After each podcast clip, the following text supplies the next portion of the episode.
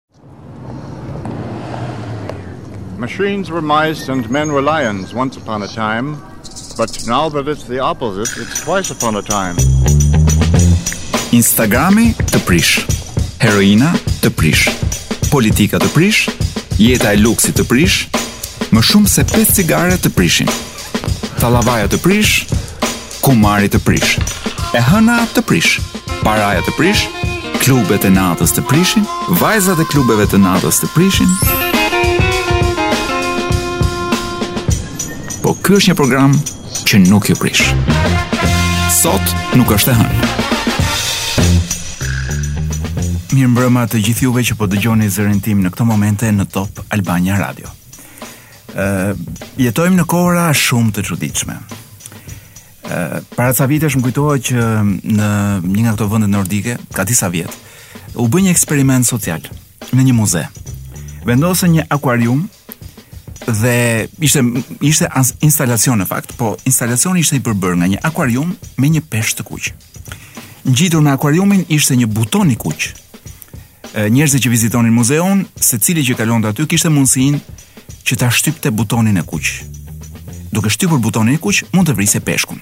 Tani ju do thoni që ka butona të kuq, siç kemi parë nëpër filma ku uh, dikush mund të hedhë gjithë botën në erë. Jo, ky buton i kuq mund të vriste vetëm një peshk të kuq. Peshku mbase s'ka qenë kuq, po ç'rëndësi ka. Ë dhe të gjithë vizitorët e muzeut kalonin dhe shikonin butonin.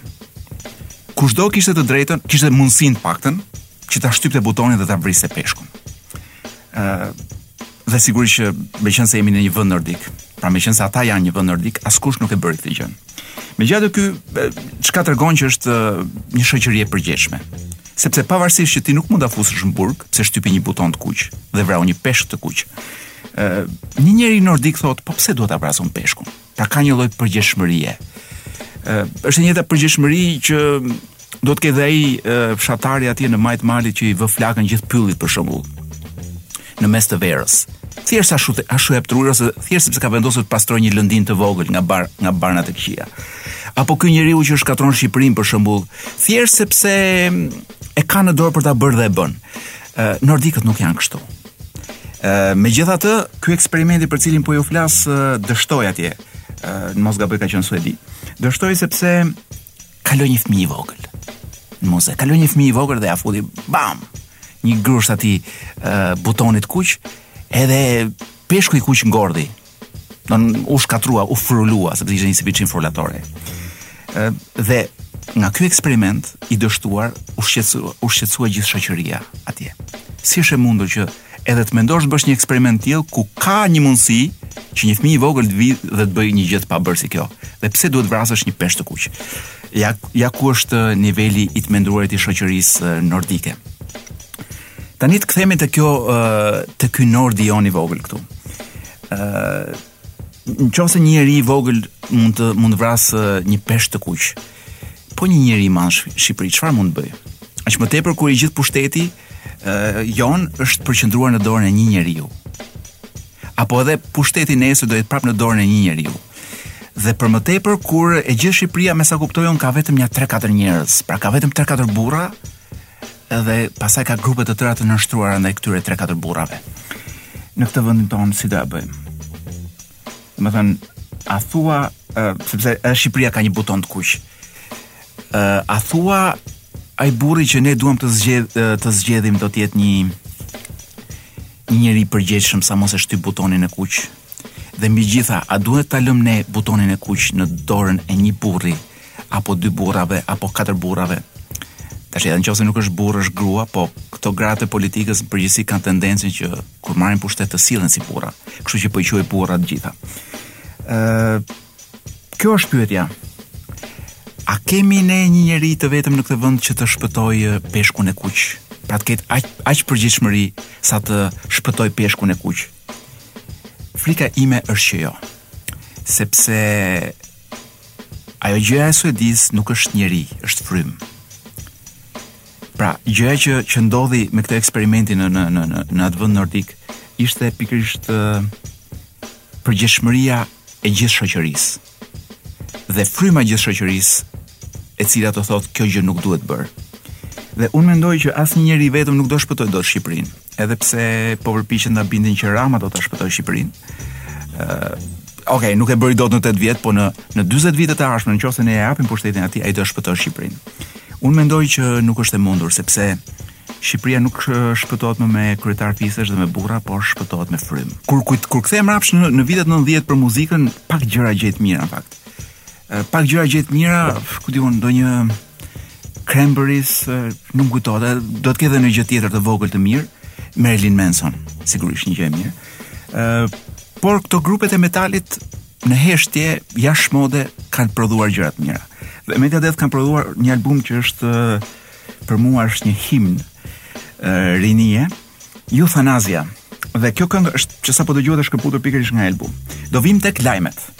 Lajmet tona janë nuk kanë fare heronj brenda. Do ta fillojmë me komitetin teknik. Nuk kishte bërë akoma mbledhje. Nuk e di pse e lën, duket se i lën mbledhjet në të njëjtën ditë që unë bëj dhe emisionin. Atë ditë që nuk është e hënë.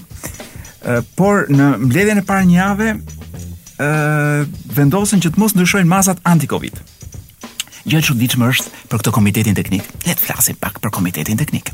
Pra gjëja e çuditshme për këtë komitet është që veç e veç të gjithë ata thonë që duhet marrë masa të reja.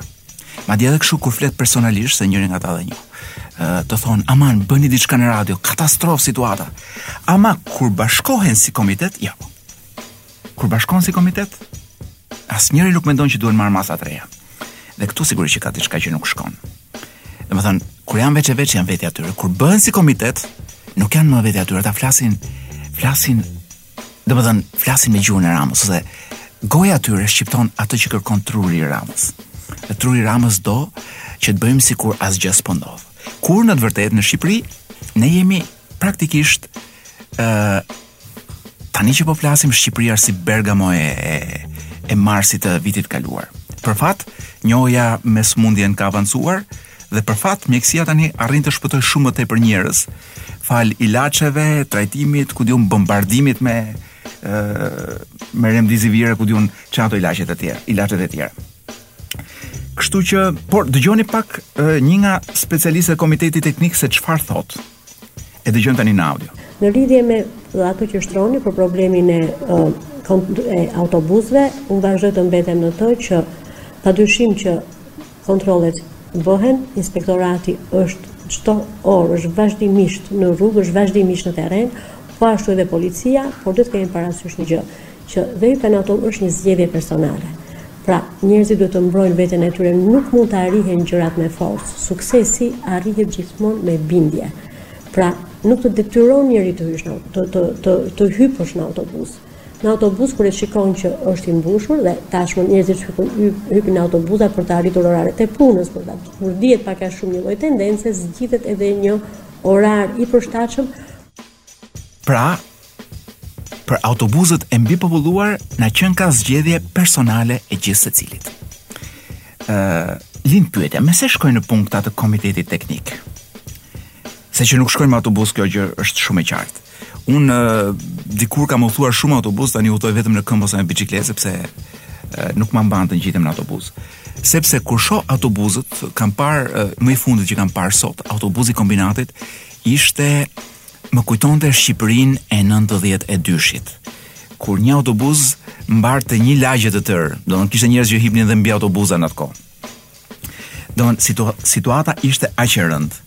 Dhe kjo na qenka zgjedhje e gjithsecilit. Më fal, po vajtja në kafe, nuk është zgjedhje e gjithsecilit, pse duhet t'i mbyllni kafet në orën 8, për shembull? Lind pyetja.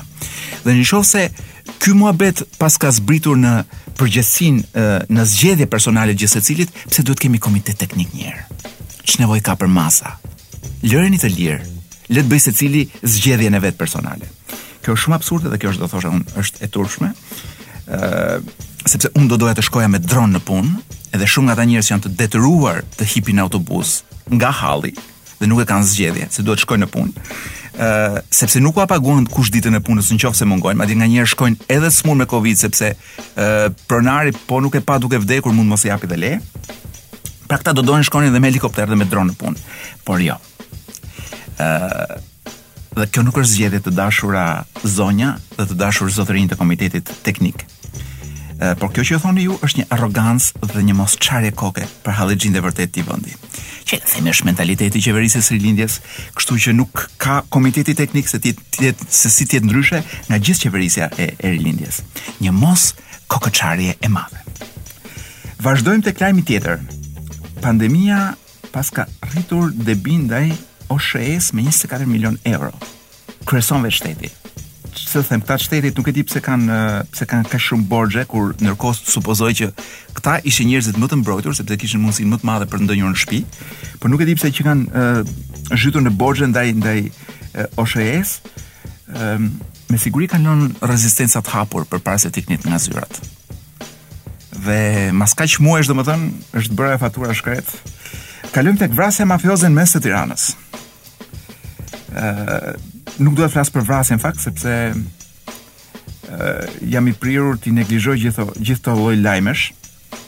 Domethënë, përpiqem mos e ngarkoj trurin me lajme të rënda. Por dëgjova uh, nga Artan Hoxha, që është burimi im i preferuar për të marrë informacionet kriminale. Që kjo vrasje ka ndodhur për të dhënë mesazh. Ke parasysh. Mua nuk më ka ardhur asnjë mesazh, le të themi.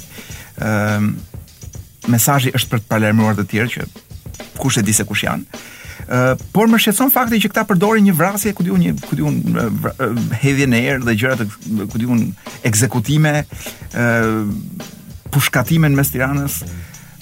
Më fal, zotërinj të krimit, ë nuk keni një mënyrë më, ku di unë, pse nuk e nxirrni story në WhatsApp për shkak të dhënë një mesazhi. ë pse duhet i bëni këto gjërat në breg të lumit të Lanës dhe me zhurmë të madhe. Kështu që unë do isha për një ndryshim, për, unë do isha për një upgrade të krimit. Pra krimi le të jetë çik më çik më modern dhe çik më hipster do thoja unë. Dhe për ta mbyllur me lajmet e javës së kaluar, është një lajm ndoshta i së hënës apo të martës së kaluar. ë Dhe protagonisti i këtij lajmi është Marin Gleni. Un dikush më çoi sepse un nuk kam komunikim direkt me këtë zotërinë, po dikush më çoi uh, një story më duket se në Instagram ose ndoshta në Facebook, nuk e di, të këtij zotit Marin Glen, i cili qenka shofer i drejtorit të urgjencës dhe i cili paska marrë paska marrë uh, vaksinën, Më vjen shumë mirë që ka marrë vaksinën. Dhe rikthehemi tek çështja që përpara shoferëve, mos vallë duhet të vaksinoheshin mjekët dhe meqenëse nuk bëhet fjalë për një mjek urgjence, por për mjekun e drejtorit, e drejtorit e, të urgjencës. Pra, për, më fal, për shoferin e drejtorit të urgjencës, e, Marin Glenin. Siç thonë italianët, un nome un destino, pra ti je emri që ke. Marin Gleni, që janë tre njerëz në një emër të vetëm. Ë është thjesht drejtori, sho, më fal shoferi i drejtorit të urgjencës. Megjithëse në fakt duke menduar, ky është gjatë gjithë kohës i ekspozuar. Da, sigurisht jo ndaj Covidit, por është i ekspozuar ndaj aksidenteve në në Covid, në në, në trafik, kështu që i duhet dhe vaksina anti-Covid. Marin Gleni, gjithë ky çun 30 vjeç, si kokrra e mollës, vaksinohet. Personalitet i madh. E mbyllim me lajmet e javës kaluar. Paraja të prish, e hëna të prish. Walking away from Po ky është një program që nuk mund të prish. Sot nuk është e hënë. Sot nuk është e hënë në Top Albania Radio. Dhe kemi mbërritur në momentin për t'i dhënë përgjigje një pyetje që shumë njerëz rrotull meje, e u ka kaluar nëpër mendje të paktën një herë ë gjatë vitit të fundit. Dhe pyetja ka të bëjë me me nevojën për të kuptuar ku jemi ne në raport me të tjerët dhe pse po ndodh kjo që po ndodh me pandeminë. Për shembull, mas asaj që ndodhi me Italinë dhe me Amerikën dhe sidomos me New Yorkun vjet, Ti mendon imagjino ç'do bëhet në Indi. Pra kur një vend aq i sistemuar, ë siç mund të jetë një vend perëndimor, ka aq shumë vdekje, ku janë gjysmë milioni në Amerikë më duket. Ë imagjino se ç'do bëhet në vende me shërbim shëndetësor të rrënuar ku njerëzit jetojnë në kushte higjienike të tmerrshme në sllamet e Indisë, do bëhet nami. Dhe ky ka qenë edhe parashikimi dhe frika e madhe e organizatave të mëdha botërore të shëndetit ose jo. Por ë realiteti foli krejt ndryshe. Në Indi numri i vdekjeve është shumë i ulët, për shembull. Po ashtu vende të tjera të Afrikës e kanë gjithashtu nivelin shumë të ulët. Dhe lind pyetja pse.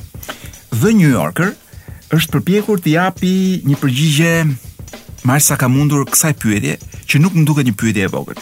Mbaj mend që në periudhën e parë të pandemisë, qarkullonin lloj-lloj idesh dhe një nga arsyet pse ata mendonin që është sepse disa njerëz mendonin që është një virus i shpikur në laborator, është pikërisht kjo sepse nuk kuptonin po mirë. Po ja, po pse po vret Italinë për shembull dhe pse nuk po vret Ganën ta zëm? Ose pse në Kinë domethënë u kontrollua kaq mirë dhe nuk u shpërnda dhe pse në Amerikë domethënë shpërtheu në atë formë? Ë është një përpjekje për të kuptuar siç thashë se pse ka ndodhur e gjithë kjo. Një nga pra arsyet që mund të kenë shkaktuar këtë lloj shpërndarje dhe vdekshmëri prej pandemisë janë dy ose të brendshme pra që kanë të bëjnë me trupin e një popullsie ose me të jashtme që kanë të bëjnë me mënyrën e sjelljes dhe socializimit të një shoqërie. Ëh shkencëtarët kanë provuar herë pas here të aplikojnë një model të caktuar për të kuptuar çka ndodh. Në fillim, U mendua që arsyeja pse ë, ky virus po vret kaq shumë në po themi në Itali apo në Spanjë dhe nuk po vret në Indi, është menduar që mund të jetë çështja e e moshës. Vende si Europa janë vende me moshë shumë të lartë, pra ka njerëz të moshuar me tepricë krahasuar dhe në përqindje shumë të lartë krahasuar po themi me, ku di unë, me me Indinë apo me me Kinën, ku mosha mesatare është shumë e re.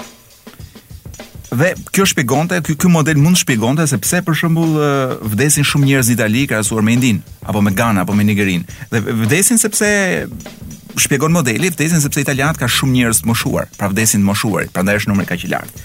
Mirë, po kjo nuk shpjegonte pse është si është e mundur që ë Meksika për shembull që ka një moshë të mesme të popullsisë të ngjashme me Indinë, është një vend ku po bëhet nami dhe u bë nami vitin e kaluar, ndërkohë që kjo nuk ndodhte në Indi. Pra, kjo puna moshës nuk e shpjegon dot të gjithën. Për shembull, një rast shumë i çuditshëm në fillim të pandemisë ishin këto vendet e Afrikës, Nigeria për shembull, mendohej që duhet të kishte diku tek 200.000 apo 400.000 të vdekur Pra duke parë përqindjen e vdekshmërisë në vende si Italia apo Spanja dhe më pas Amerika.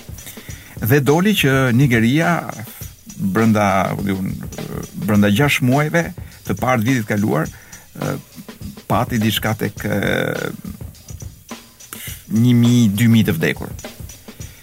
Po ashtu edhe për vende të tjera të, të, të Afrikës ishin parashikuar vdekshmëri shumë të larta, Për shembull në Gana, që ka 30 milion banorë, mendohej që duhet të ketë të paktën 75.000 të vdekur, kur gjatë gjithë vitit 2020 nuk pati më shumë se 300. Atëherë, cila është cila është arsyeja? Pra nuk mosha nuk e shpjegon të gjithën.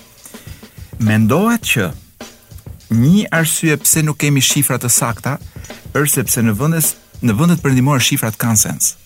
Pra, shifrat janë të mirëmbajtura, janë të rregullta dhe rastet janë të identifikuara.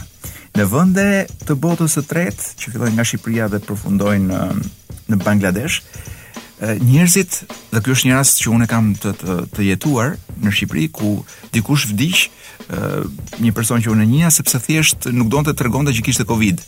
dhe deri sepse i vinte turp. Pra, në vende të tilla ku ose njerëzit kanë turp, ka stigmë sociale apo ku ka edhe rrezik që do të heqin nga puna, në qoftë se marrin vesh që je i smur, tentativa e njerëzve është që ta fshehin sëmundjen. Pra dhe kur e kalojnë, ta fshehin, sikurse edhe tentativa e autoriteteve është të mos raportojnë shifra të sakta. Për shembull në Indi mendohet që njerëzit të ketë të paktën 3-4 fish më shumë vdekje të paraportuara sepse në raportin e mjekëve nuk klasifikohen si vdekje nga Covidi, por si vdekje nga sepsis apo nga pneumonia. Por prap shifrat nuk janë aq të mëdha sa të justifikojnë pse disa vende, qoftë edhe Rusia, nuk kanë një ë një numër të lartë vdekjesh. Pra ky raportimi është është njëri nga problemet.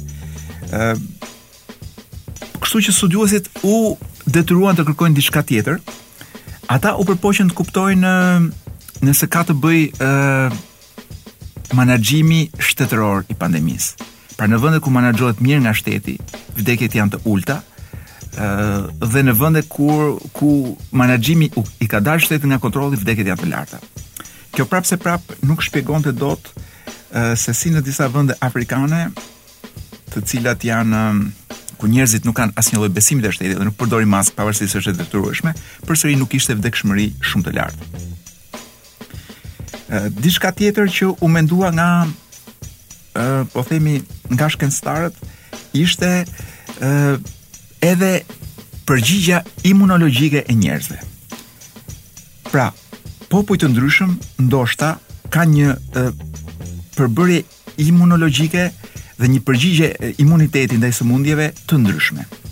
E, pra, imuniteti i tyre mund të jetë i fituar, mund të jetë i përshtatur, por mund të jetë ndoshta edhe i trashëguar. Një shpjegim shumë i gjatë me të cilin nuk dua t'ju lodh, tregon që ndoshta në disa nga popullatat memoria e njerëzve është pra memoria e krijuar nga sëmundjet është shumë e fortë nga sëmundje të tjera, shumë e fortë dhe mund të vlejë edhe për sëmundje të mëpasme. Pra ë trupi ka krijuar një memorie për të luftuar griprat, kështu që edhe këtë grip ka ë mundur ta ë ta luftojë më shumë se sa pra në një popullatë më shumë se sa një popullatë tjetër. ë ka një teori që i atribuohet një burri të shekullit 14 të quajtur William of Ockham. Ky ka qenë teolog, i cili ka shkruar shumë dhe ka shpikur një teori që e quajnë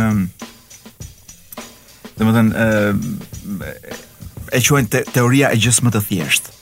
Ai thoshte që gjëja më e thjeshtë në botë është gjëja më e saktë dhe më e sigurt që ka ndodhur. Por në rastin konkret është kjo teori nuk mund të zbatohet, sepse konkluzioni i shkencëtarëve është ky, që në përgjigjen e popullsive të ndryshme ndaj ndaj virusit, ë kanë luajtur nga pak rol të gjitha këto argumenta që dhashë më sipër. ë që nga mosha tek menaxhimi nga ana e shtetit e pandemisë tek imuniteti i brendshëm i njerëzve, tek ndarja sociale vende si Suedia, njerëzit jetojnë pra njerëzit jetojnë më të shtrirë dhe më të veçuar, pra dhe nuk jetojnë në familje me ku di unë, nga 15 veta siç mund të jetojnë në Indi apo në familje apo në shoqëri me nga 10 veta siç mblidhen shqiptarët në një kafene. Pra ndarja sociale është më e madhe, kështu që edhe goditja ka qenë më e vogël.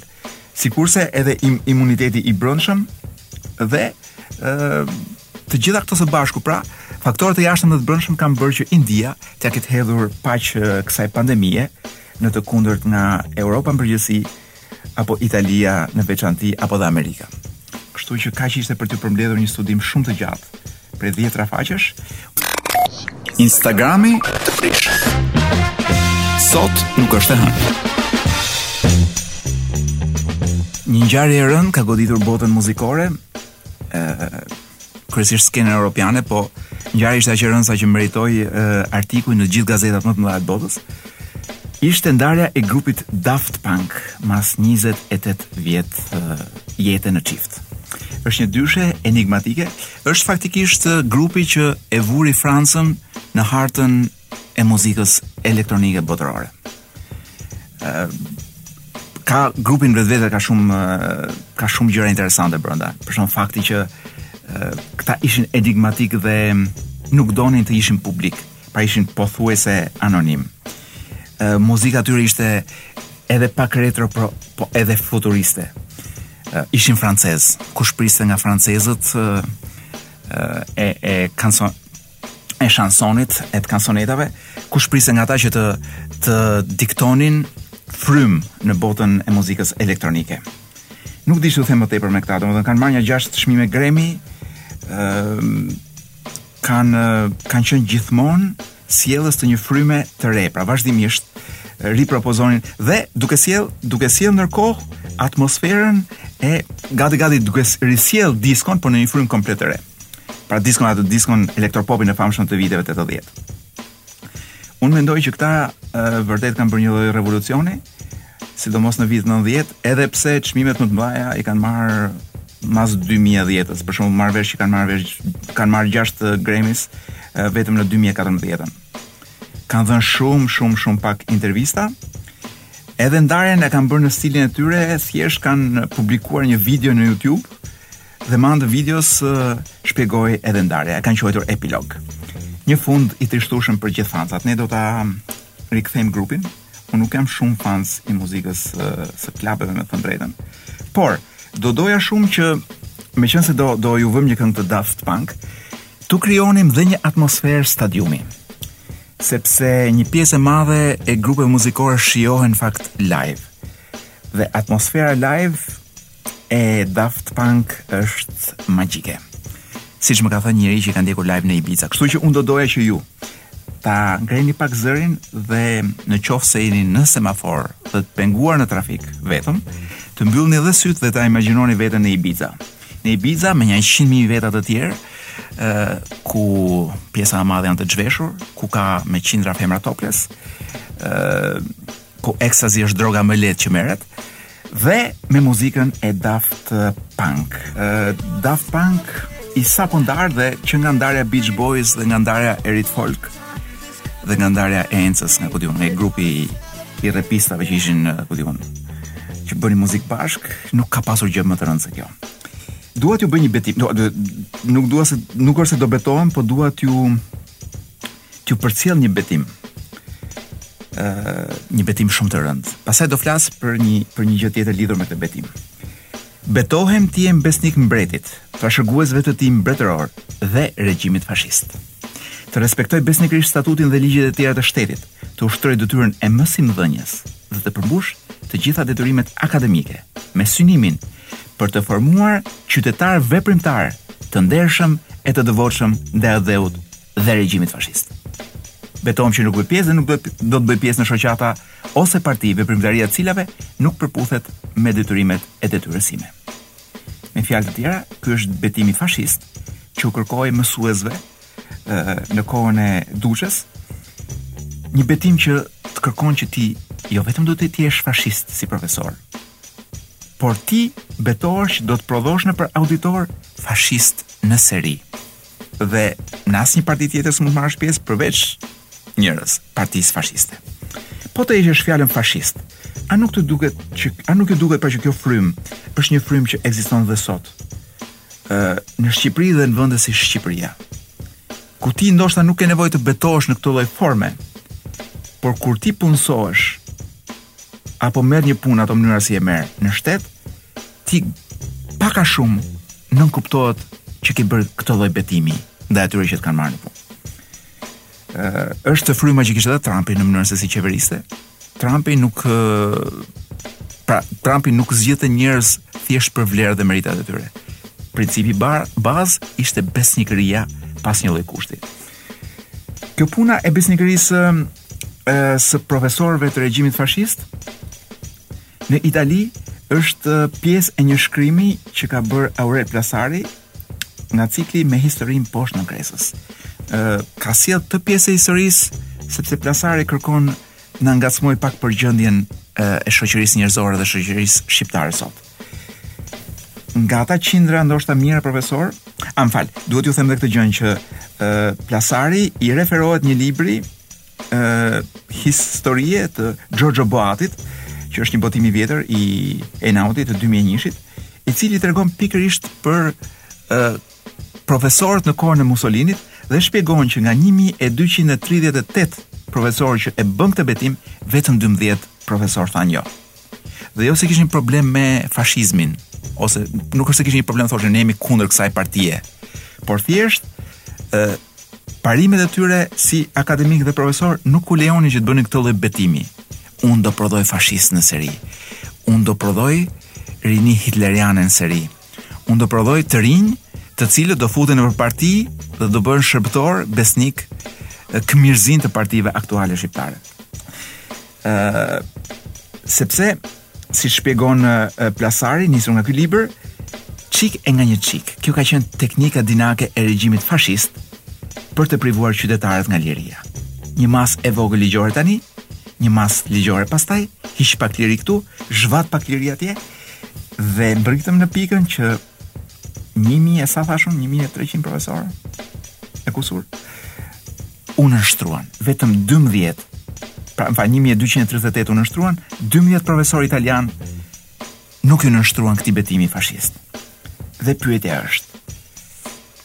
A mund ta luftojmë ne fashizmin me vetëm 12 profesorë? Nuk është e hënë. Sot nuk është e hënë. Nuk është e hënë. Sot nuk është e hënë. Jemi rikthyer tek sot nuk është e hënë dhe më duhet t'i shtoj listës së gjërave që të prishin edhe dy emra të tjerë. Roland Saro të prish dhe Erbin Erblin Bajko të prish. Kështu që ruhuni nga gjërat që ju prishin. Po ndërkohë që unë jam futur në studio shoh uh, në ekranin e kompjuterit të studios që dikush ka kërkuar për Iron Maiden. Dhe unë jam shumë kurioz të di kush është ai që ka kërkuar për Iron Maiden. Ndërkohë që shoh edhe përkthimin ë përkthimin automatik që i bëhet ë me Google Translate, i cili thotë Iron Maiden janë një band e rëndë metale angleze. A, e formuar në Leyton, East London, 75-ën. Okej, mirë, nuk sot nuk ka Iron Maiden, por Do kemi javën që vjen.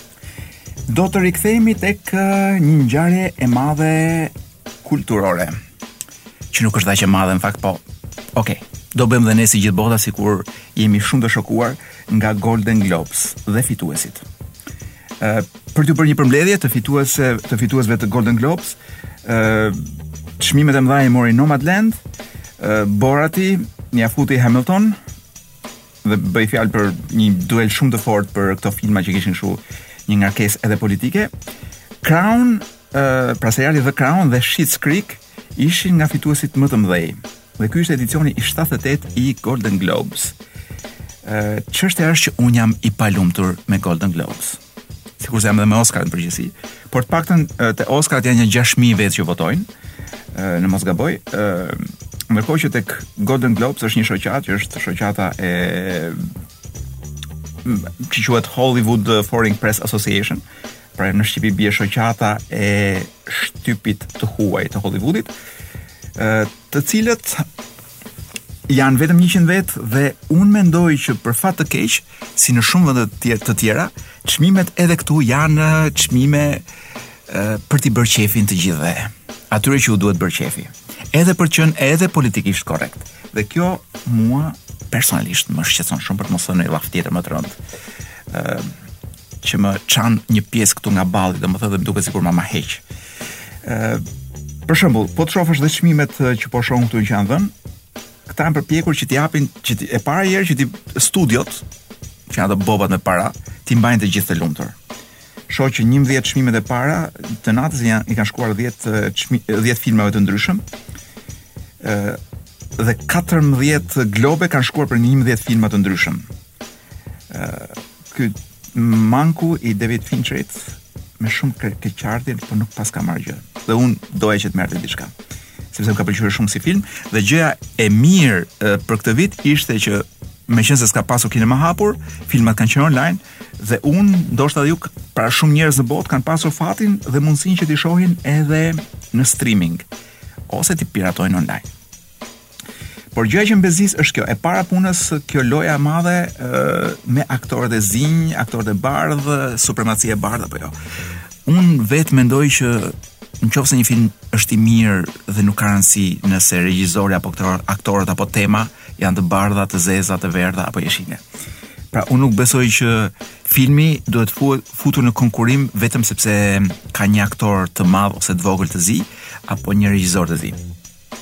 dhe përdor termin e zi, me qënë se kam verifikuar që nuk është në shqip, në qoftë se ata përdorin black, ne duhet ta përdorim i zi, sepse nuk kemi si e përdorim ndryshe. Pra jam politikisht korrekt në këtë, në këtë term me shqipen.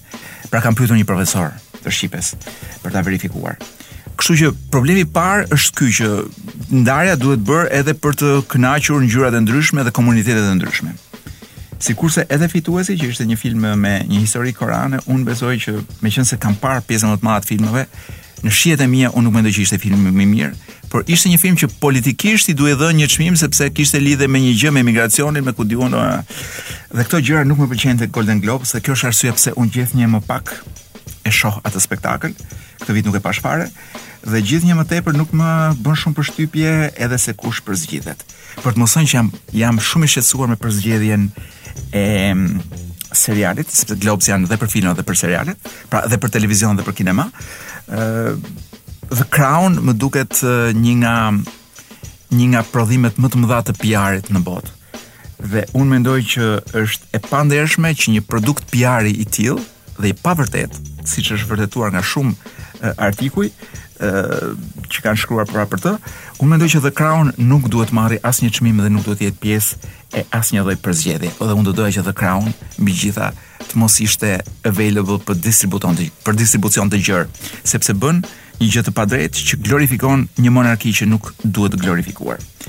Pra është për ta përmbledhur një PR i vërtetë dhe këtu është ishte një nga mbretëreshat. The Crown ishte një nga mbretëreshat e mbrëmjes.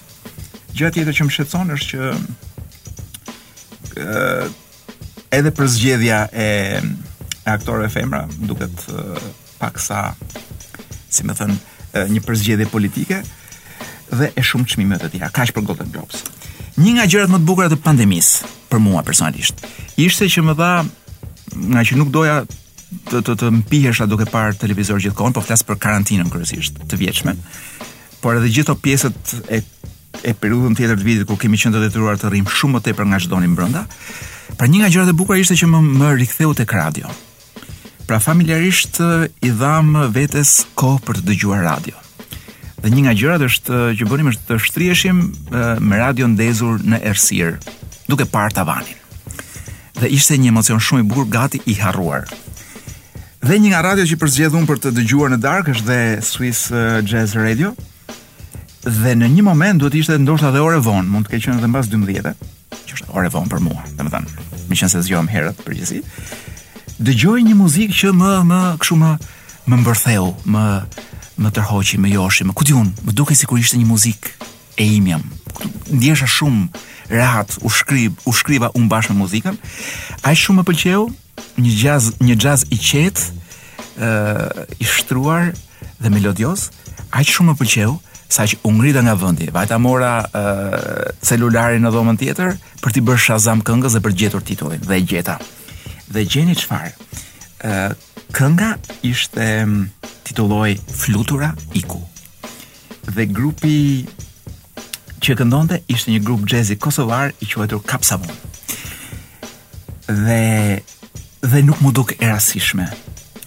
Domethënë, nuk m'u duk e rastishme sepse uh, ishte një gjë shqiptare, domethënë, gjithë gjëja, gjithë atmosfera e këngës ishte shqiptare dhe prandaj ndoshta më, më bëri dhe të ngrihem nga krevati. Unë, edhe pse nuk është orë për të dëgjuar jazz të qetë dhe të shtruar, sepse ndoshta mund të jetë momenti që sa është hapur dhe jeshilja dhe ju po i fusni gazin, domethënë. Dhe ndoshta për për 100 metra ju do ta keni çuar dhe te dhe te marshi i katërt, ndoshta edhe te i pesë thjesht nga qejfi për të rritur marshet, për të, marshet dhe për të krijuar idenë që po ecim shpejt. Por pavarësisht kësaj situate që ju mund të jeni në makinë, unë do t'jua lëshoj këtë këngën. Flutura iku. Ju nuk ikni dot sepse ju kujtoni se i shpëtoni një një semafori, por ka shumë semaforë në këtë vend, më shumë se sa duhet ndoshta.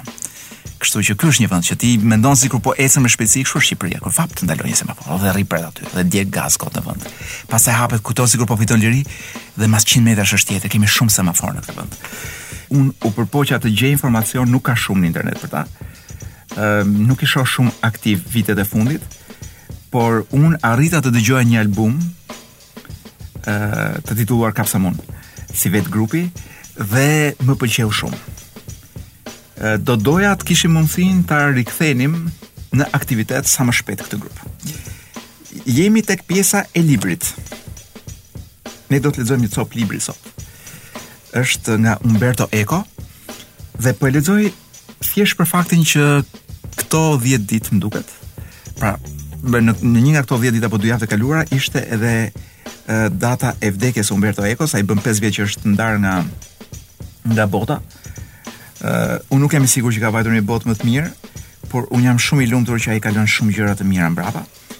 Unë ndryshe nga ç', nga ç'mund t'u ketë ndodhur kryesisht njerëzve që lexojnë Econ, të cilët impaktin e parë me këtë shkrimtar italian e kanë me librin e, Emri i trëndafilit, unë jua sugjeroj shumë fort, në qoftë se doni të lexoni vetëm një libër nga ky shkrimtar, lexoni atë.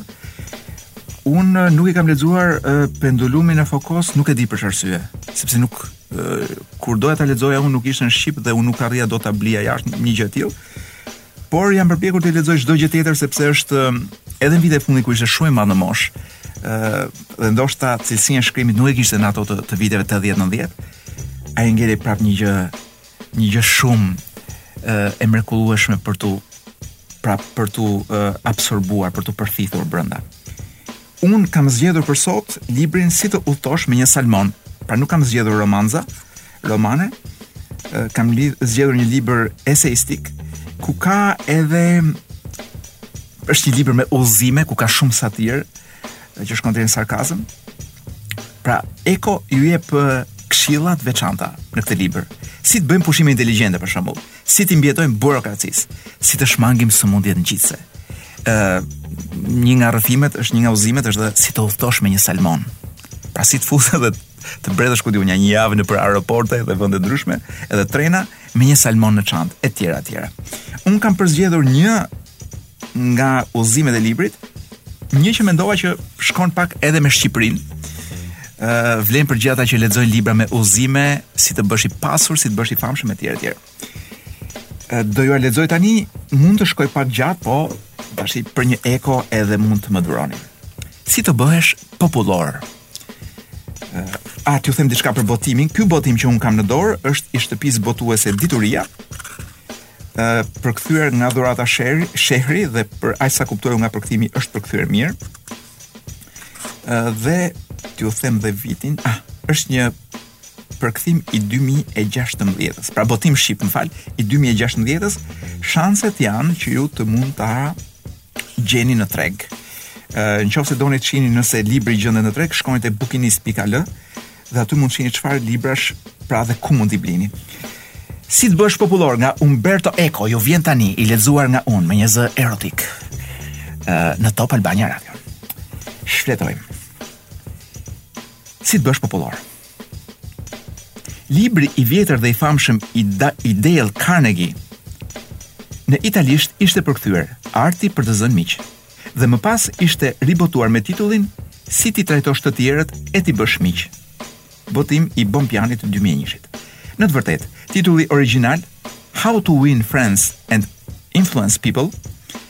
E jepte më mirë idenë e qëllimeve të librit dhe të etikës që e frymëzonte.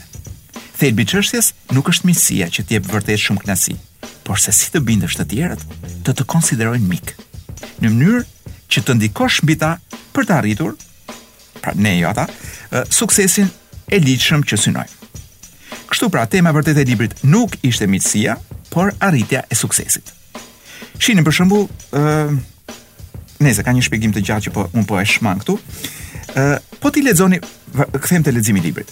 Po t'i lexoni me kujdes faqet mbi mënyrën e buzëqeshjes, mbi truket e lëvdimit të tjetrit, dhe mbi shumë mënyra se si ta bësh tjetrin të ndihet i nderuar dhe rehat para jush, në mënyrë që të bëjë atë që ju dëshironi, sikur ta dëshironte ai vetë, mund të dalloni në çdo hap, pra në çdo hap të këtyre udhëzimeve, sqaroj unë, fytyra jo të panjohura të jetës sonë publike. Dhe këtu bëj një pauzë për të rikujtuar kush janë këta njerëz publikë në Shqipëri që sforcohen për të na mbushur mendjen dhe për të na bërë në thonjëza miq. Kthehemi tek libri. Dikush që do t'ua bëjë qejfin të tjerëve dhe t'i bëjë miq, duhet të dijë çfarë duan në thelb njerëzit. Për shembull, për çfarë duan t'i lëvdosh ata. Një nga gjërat që na mëson ky libër i vjetër është ideja se motori lëvizës i veprimeve njerëzore nuk është seksi, mm, por nevoja për t'u ndjerë të rëndësishëm. Carnegie thotë se arsyet që shtynë Dickensin që të shkruante dhe Dillingerin të bëhej kriminel janë të njëjtat. Ata ndienin nevojën të citoheshin nëpër gazeta. Ndonëse Carnegie, pra shkrimtari i këtij librit, e pranon se ka një dallim në mënyrën se si u realizuan këto personazhe. Pra, Dickensi apo Dillingeri, por qëllimi, këtu shpjegoj unë, qëllimi i tyre ishte i njëjti. Kthehem tek libri. Carnegie më erdhi ndër mend pak ditë më parë, ndërsa po shihja emisionin Eredita, Trashëgimia. Një emision i drejtuar nga Amadeusi, të cilin e ndjek gjithnjë për të kontrolluar ditë pas dite veten se mos më shfaqet ndonjë dementia praecox. Pra, se mos më shfaqet ndonjë demencë e parakohshme. shkruan Eko. Pyetja që u bë në emision ishte: Cila është vlera që kanë më për zemër italianët, të paktën sipas një vëzhgimi të kohëve të fundit? Doli se vlera që ndiqej me më shumë pasion ishte të qenët i njohur nga të tjerët. Në thonjëza, duke duke turpëruar kështu, shumë konkurrentë që u përgjigjën dashuria, paraja, lumturia familjare ose diçka tjetër.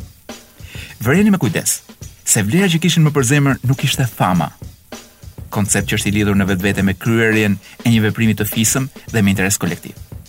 Subjektet që ishin testuar nuk dëshironin të mbaheshin mend si zbuluesit e vaksinës kundër kancerit, si shpëtimtarët heroikë që sakrifikuan jetën për të mbrojtur të tjerët, si poetë a skulptorë të mëdhenj, si udhëheqës ushtrish, lundrues, mistikë a filantropë. Një gjë ishte krejt e qartë.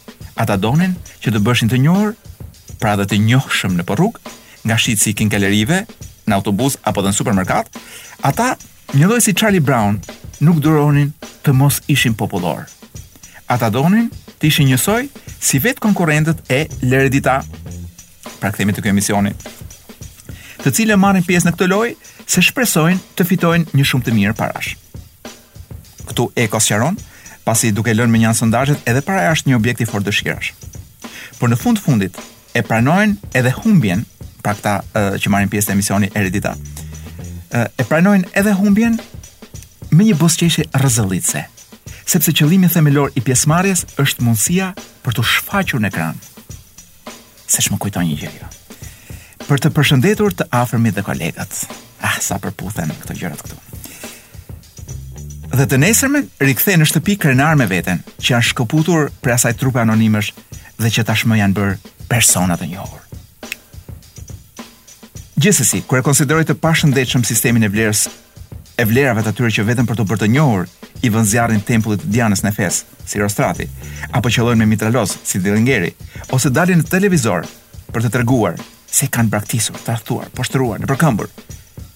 Nuk kam për qëllim t'u bëj moral atyre që për t'u bërë të njohur, marrin pjesë në lojra televizive ose thjesht pranojnë të ulen në radhët e publikut në një debat televiziv. Në mënyrë që të nesërmen, kolegët e punës ose shitësi i gazetave në cep të rrugës, t'ua njohë fytyrën dhe t'u bëjë komplimente. Le ta themi të vërtetën. Është më e moralshme të kërkosh të bësh i njohur në këtë mënyrë sesa të torturosh të tjerët duke shkruar poezi të dobëta.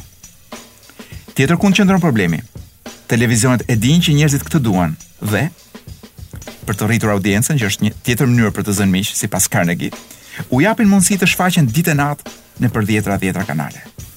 Por të, po të përlo, po të përllogarisësh numrin e programeve, të personave që janë të pranishëm në secilin prej tyre, të orëve dhe të ditëve të transmetimit, në një hark prej shumë vitesh, kemi përpara rezultatin e tmerrshëm. Çdo qytetar italian, të paktën një herë, është bërë fytyrë e njohur. Dhe në një vend me gati 60 milion fytyra të njohura, secili do të mbetet i panjohur. Shkruante Eko në 2005-ën. Eko ka vdekur, L'Eredita vazhdon të transmetohet.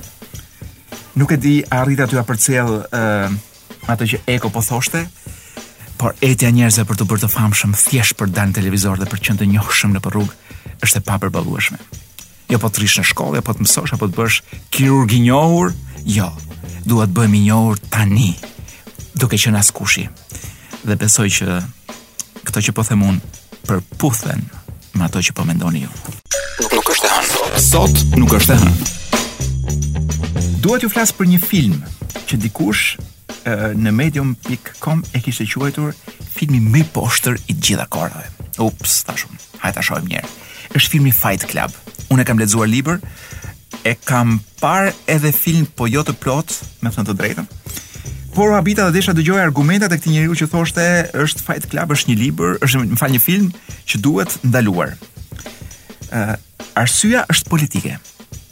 Autori i këtij shkrimi të gjatë, një shkrim i cili ishte, ku diun, ri, ku diun, ishte ritwitteruar, ku diun, ja, ja, ku diun, ja, 2-3 mijë herë.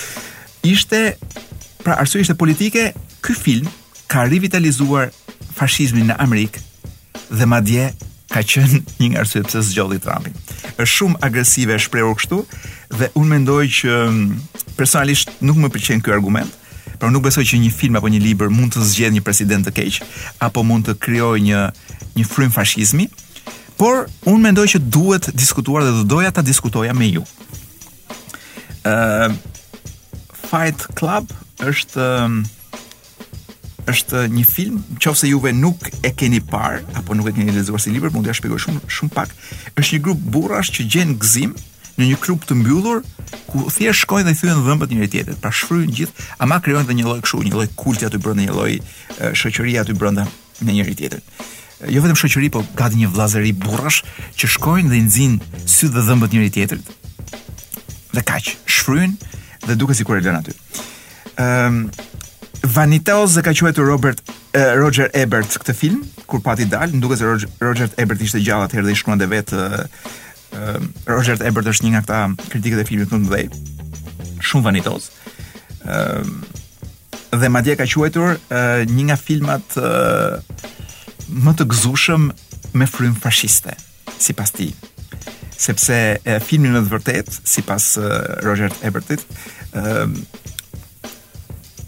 është tenton që të jetë një kritikë ndaj fashizmit, konsumerizmit, dhe maskulinitetit toksik, por në fakt ai bën thjesht të kundërtën sipas sipas analizës. Atëherë, ç'lidhje ka me Trumpin dhe me Trumpistat?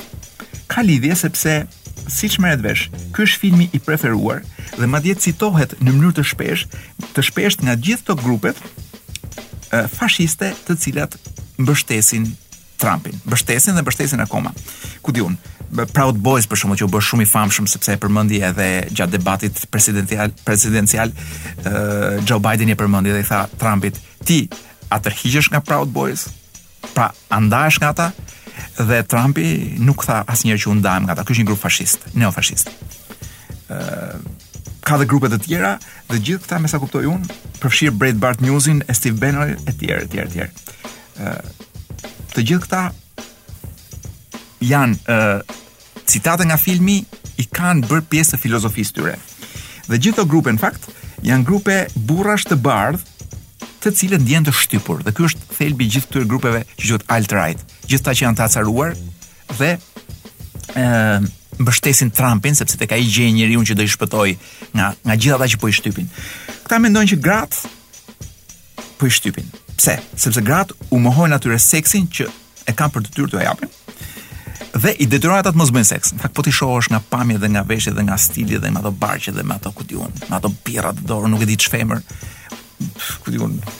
Unë po të isha femër, kam shumë dyshime që do shkoja me ndonjërin nga ata.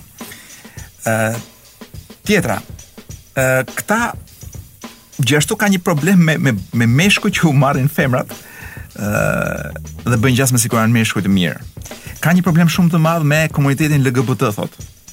Sepse këta sipas tyre ë ata LGBT-ja është një konspiracion për të për të zhdukur të drejtat e burrave dhe për të të drejtat e tyre. Dhe mbi të gjitha kanë një urrejtje të madhe për të huajt sepse të huajt kanë ardhur këtu për të na zëvendësuar. Kjo është filozofia fashiste ë e djathtë që mbështet Trumpin dhe që me sa po marr vesh unë këtu e kanë kthyer këtë filmin Fight Club gati gati në një libër të vetëm. Megjithatë unë nuk besoj se është shumë faji i filmave në këtë rast. Unë mendoj që filmi shpreh thjesht një atmosferë pastaj në qofë se disa njerëz, për shembull, një film tjetër, që njerëzit mund ta kenë parë ndryshe, është filmi The Godfather.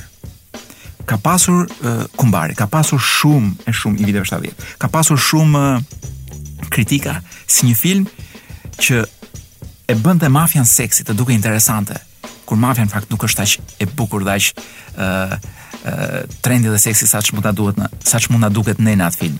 Personazhet e mafias nuk janë nuk janë aq interesantë sa ç'e bënte Marlon Brando apo Al Pacino. Por ai film e bëri mafian të dukej shumë interesante. Ose filmi tjetër për shembull Scarface. ë ka në Shqipëri njerëz, të paktën dy e di unë, ndoshta edhe më shumë që quhen Tony Montana. Pra kanë emrin gjatë Toni Montana. Toni Montana ku di unë. Hoxha. Ose ku di unë. Toni Montana Basha ose Toni Montana Rama. Ëh, dhe quhen Toni Montana sepse prindi ka qenë i dashuruar me personazhin kriminal të Scarface. Scarface pati ndjellë dhe vazhdon të ndjellë akoma shumë kontro, uh, kontroversialitet për arsyen sepse në qoftë se derisa dilte filmi në 83-shin, Amerikanët mendonin që për kubanët që janë njerëz punëtorë që merren me këtë punë, dikush ka një dyqan të vogël, dikush merret me mirëmbajtjen e pallatit, me të dalë filmi, të gjithë amerikanët fillonin të shihnin kubanezët si kriminelë. Kaq i fortë ishte ndikimi i filmit. Pra, e, dhe kjo e ka dëmtuar, siç lexova në disa artikuj, për këtë çështje e ka dëmtuar shumë të qenit kuban. Sikurse, ndoshta filmi Taken, pavarësisht se ne ka edhe shqiptarë që janë aq kriminelë. Po filmi Taken i bëri shqiptarët që gjithë bota të mendonte që janë ashtu. Pra atë gjë që na ka bërë filmi Taken neve, e ka bërë filmi Scarface për kubanët. Pavarësisht se te Scarface fraza më bukur është fraza e, që thotë kjo Elvira Michelle Pfeiffer thotë Can't you stop saying fuck all the time? Pra nuk mund të pushosh së thëni atë fjalën fuck që gjithë kohës thotë. A mund të pushosh i thotë i thotë uh, këtijt uh, Scarface-it. Uh, a mund të pushosh thotë së foluri për para thotë Tony. Sepse është boring, është e mërzitshme. Mirëpo, gjithë Shqipëria vdes për të folur për para. Dhe askush nuk e ka kuptuar që kjo fjali është fjalia ndoshta më interesante e filmit. Jo. Ata kanë kuptuar të kundërtën sepse secili sepse ne ndoshta jemi kjo lloj popullsie dhe atmosfera në Shqipëri është pikërisht kjo që ne vetëm filma si Kumbari dhe Scarface na eksitojnë sepse Ajo është ëndrra jonë të bëhemi një kumbar ose një Scarface. Para seks dhe t'i vrasim gjithë. Sanremoja është gjithmonë idealja e asaj që muzika shqiptare mund të ishte, ë dhe sigurisht asaj që festivali jonë i fundvitit mund të ishte i RTSH-së. Unë e ndjek gjithmonë sepse e para duke ditur italisht e shijoj muzikën italiane, E dyta dua të shoh ë du, më pëlqen nganjëherë të thith nektar nga kultura italiane.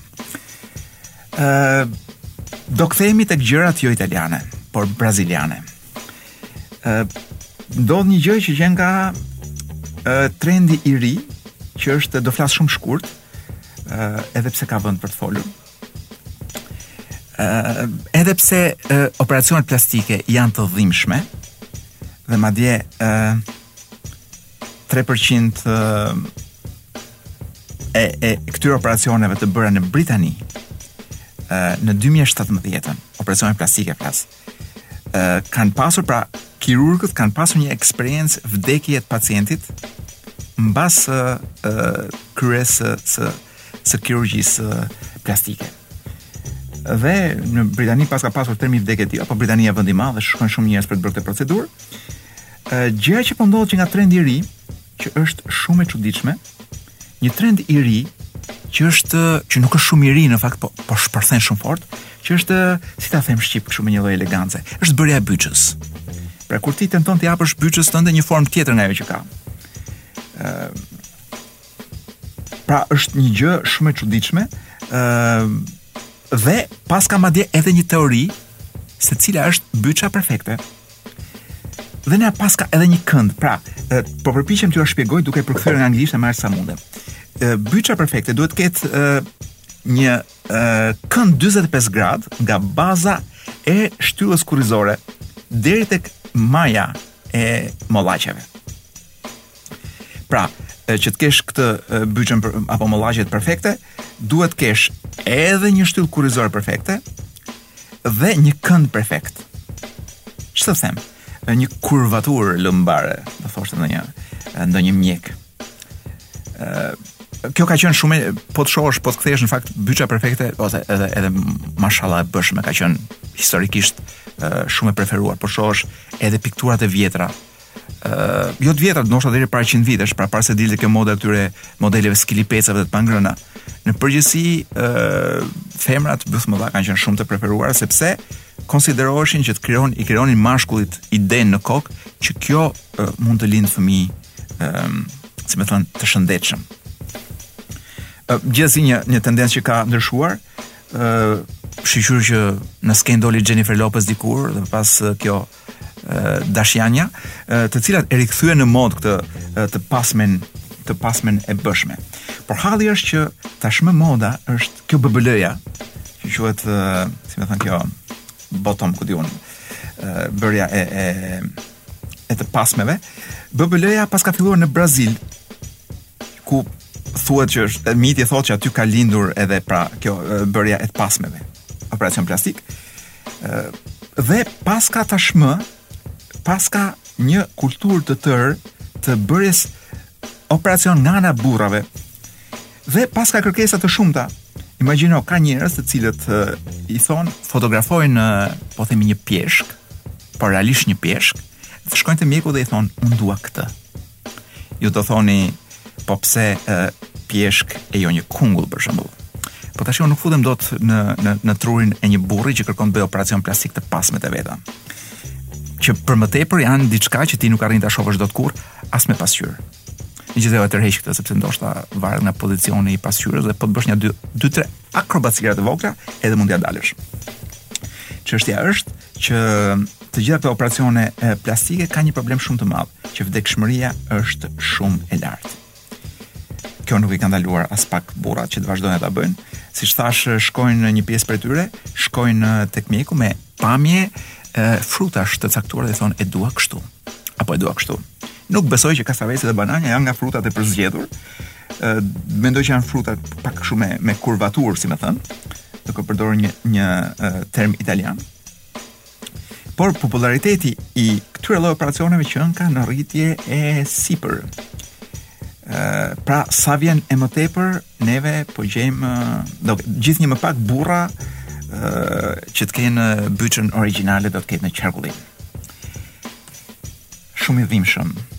Ëh, ah, një nga problemet, po jua them për në qoftë se keni ndonjë mendje të tillë, është që sa më shumë që tentoni të kurseni, për shembull marr vesh që paska klinika turke që ofrokan ulje çmimesh, ë uh, aq më shumë rrezikohet uh, bytha juaj, edhe shëndeti juaj dhe jeta juaj ndoshta, sepse uh, ulja e çmimit nënkupton që edhe cilësia që ju mund të merrni nuk është aq e madhe sa ç'duket. Pra, me rrezik, me rrezik vdekjen. Ë kaq për sa i përket kësaj teme të dhimbshme do thosha unë kur e mendon që dikush mund të dojë ta bëjë bythën si një shalqi nga ata të Lushnjës. Nuk është e hënë. Sot nuk është e hënë. Jemi pranë fundit të Sot nuk është e hënë dhe ju jeni në momentin që i shkelni gazin për të kapur orën 8, në qoftë se ora 8 është akoma në fuqi. momentin që po dëgjoni zërin tim. Ë, uh, çfarë shoh këtu? Një lajm që mendoj që duhet ndarë me ju. Po shumë shkurt të flas. Ë, uh, në në Kinë ka ndodhur, por ngjarja ka rëndësi shumë edhe për ne. Ë, uh, më në fund, një uh, gjykatë kineze e ka detyruar burrin që gjatë divorcit t'i japi një dëmshpërblim gruas. Është disa mijëra dollarë, po ku di unë, për për atë për atë fshat kinez apo qytet kinez Unë nuk besoj se ka më fshatra në Kinë tani. Fshatra ka, në, në Kinë tashmë ka vetëm qytete me miliona banorë. Pra për atë qytetin e vogël me me 10 milion banorë në Kinë, ë kjo sasi parash mund të jetë e madhe. Gruaja e ka fituar këtë në gjyq për punët e shtëpisë që ka bërë, sepse gjykata vendosi që puna që e kishte bërë në shtëpi për të mirëmbajtur, për të larë, për të pastruar dhe për të ushqyer burrin e vet, dhe për të mirëmbajtur familjen e vet, ishte një punë e cila kishte qenë gjithmonë e pavlerësuar nga burri. Dhe ajo, duke bërë punë shtëpie, nuk kishte pasur kurrë mundësinë që të shkonte dhe të bënte uh, një karrierë apo të gjente një punë të mirë etj etj, duke ngelur shumë mbrapa në tregun e punës. Dhe gjykata vendosi që puna e grave në shtëpi është një punë e papaguar. Dhe askush nuk ua di të shkretave. Tashi un po e them, po ua them grave shqiptare që ta kenë meqenëse jemi në periudhën që kanë vluar divorcet, edhe pak prej pandemisë, po edhe pak prej faktit që nxitohemi ne shqiptarët kur martohemi, po edhe pak prej faktit që njeriu mbasi martohet ndoshta kupton që ore po pse për gjithë jetën është kjo? Dhe vendos e ndahet, por shiheni edhe këtë mundësinë që në qoftë se jeni gra shtëpiake, juve Të jeni të sigurta që ju kanë ngrënë çik hakun sepse keni bërë punë në fakt. Të jesh shtëpiake dhe të punosh bësh punë shtëpie. Është një punë dhe ka dhe vlerë madje. Në Kinë kanë matur sa vlen. Tani çështja është që gjykatësit shqiptarë a mund ta llogarisin punën. Kam idenë që gjykatësi as gruas vetë nuk do ia jepte. Plus që seç kush më tha që gratë shqiptare mirë mirë për punë të shtëpisë, po do na kërkojnë t'i pagu, t'i paguajnë dhe për seksin. Dhe këtu pastaj çështja komplikohet shumë. Diodato, fituesi i Sanremos së vitit kaluar. Me këtë këngën Ju pëlqen s'ju pëlqen, por nuk mund thoni që nuk është origjinale e veçantë. Mua Diodato ka filluar të më pëlqejë shumë dhe është këngëtar italian që kam dëgjuar më shumë në kufje gjatë vitit kaluar. Ne do tani do ta mbyllim këtu uh, edhe këtë ecje të mundimshme dy orëshe së bashku. Uh, unë do t'ju lë me një këngë që unë besoj që do ju jap energji. Kjo është java e Sanremos, uh, nëse keni mundësi të dëgjoni pak.